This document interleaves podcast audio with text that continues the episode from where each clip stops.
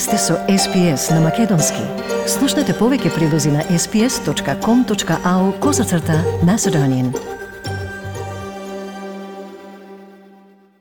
Македонската фудбалска репрезентација синоќа со 1 спрема 0 го елиминира актуелниот европски првак Италија од борбата за настап на светското првенство во Катар, што ќе се одржи оваа година.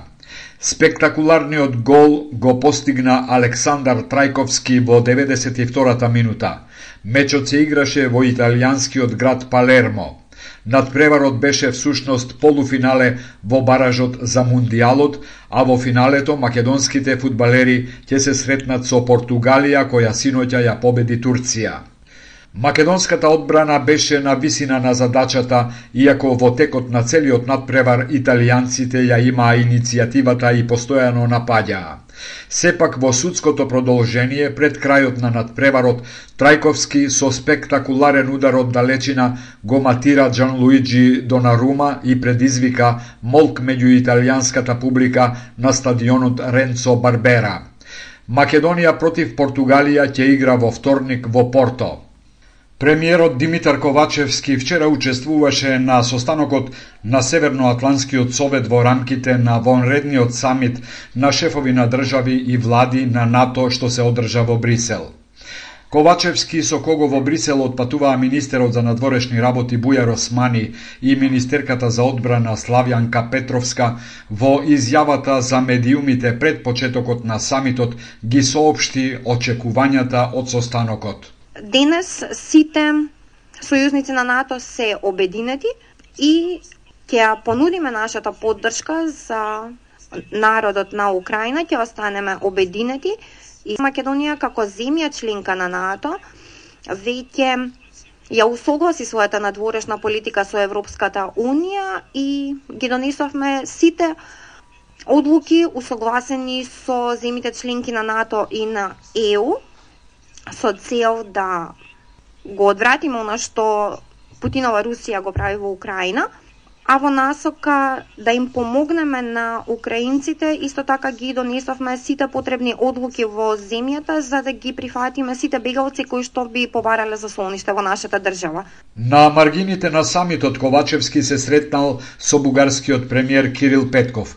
Ова го соопшти самиот Ковачевски на Фейсбук. Тој пишува: Взаемно изразивме задоволство од динамиката на билатералната соработка меѓу Македонија и Бугарија преку работните групи, како и од подпишаните договори и меморандуми за соработка во повеќе области од заеднички интерес. Оценивме дека правиме сериозни чекори напред и со целосното усогласување на надворешната и безбедносна политика на Македонија со политиката на Европската Унија, со што ги продлабочивме односите меѓу двете држави и го подигаме нивото на политички диалог. Имаме причини за оптимизам од унапредување на соработката меѓу двете земји, пишува Ковачевски. Незначителен број граѓани веруваат во македонските правосудни органи. Ова вчера на македонските суди им го предочи американската амбасадорка во Македонија Кейт Брнс. Таа рече дека луѓето треба да видат и да почувствуваат дека судскиот систем функционира, да се уверат дека нивните предмети ќе бидат разгледани во разумен рок, бараат неутрални и независни судови, а за тоа се необходни реформи и зајакнување на институциите. It's no secret that the public does not trust the judiciary. Не е тајна дека јавноста не му верува на судството. Всушност, истражувањето на Евротинг покажа дека само 8% од граѓаните на Македонија имаат доверба во судството и во обвинителството. Очигледно има многу работи што треба да се завршат. Obviously, there's much work to be done. Председателката на судскиот совет Павлина Црвенковска смета дека независно судство е можно ако оценувањето на судиите се одвива според вредностни, реални и квалитативни критериуми. Тоа ќе се случи само со примена на методологијата за квалитетно оценување на судиите, што ги фаворизира објективните наспроти субјективните критериуми. Но голем проблем за кој сега нема решение е недостиг на суди, вели Црвенковска. Ние имаме недостаток на суди. Од 639 судиеве денес ми даваат последна анализа дека моментално имаме 473 суди. Со измените на Законот за работни односи може да се случи и 60 на суди до крај на годината да ни одат во пензија. Реален е недостатокот на суди во судството. Судиите од судското здружение укажуваат и на други проблеми. За нас како здружение е особено битно материјалниот статус на судиите, довербата во судството и секако активностите кои се одвиваат во таа насока со цел реализација на тие барања на судиите, вклучително и вкупниот буџет во однос со судството, секако дека ние се занимаваме со прашањата кои се однесуваат и на етиката и особено прашањата на транспарентноста, со надеж дека ќе придонесеме во подигнувањето на довербата во судството. Судиите се надеваат дека наскоро ќе заживее методологијата што се применува во многу држави и која ќе има влијание врз независноста на судиите. Секој судија ќе биде следен дигитално, а се очекува и личната мотивација да биде зголемена поради реалното оценување, што ќе биде основа за натамошно унапредување. Председателот на Собранието Талат Джафери вчера на брифинг со новинарите рече дека Собранието не смее да работи под ултиматуми и условувања. Оваа негова забелешка се однесува на расправата за измените на изборниот законник. Измените кои влегоа во собраниска процедура и ја поминаа првата фаза во матичната комисија ги скараа партиите откако ВМРО ДПМН и вчера обвини дека, цитат, СДСМ не сака Македонија да биде една изборна единица и таа пет години ги лаже граѓаните дека ќе направи измени во изборниот законик. СДСМ, ако е искрена партија во ветувањата, ќе поддржи една изборна единица без условувања, а не да ја користи ДУИ за блокада и за изговор.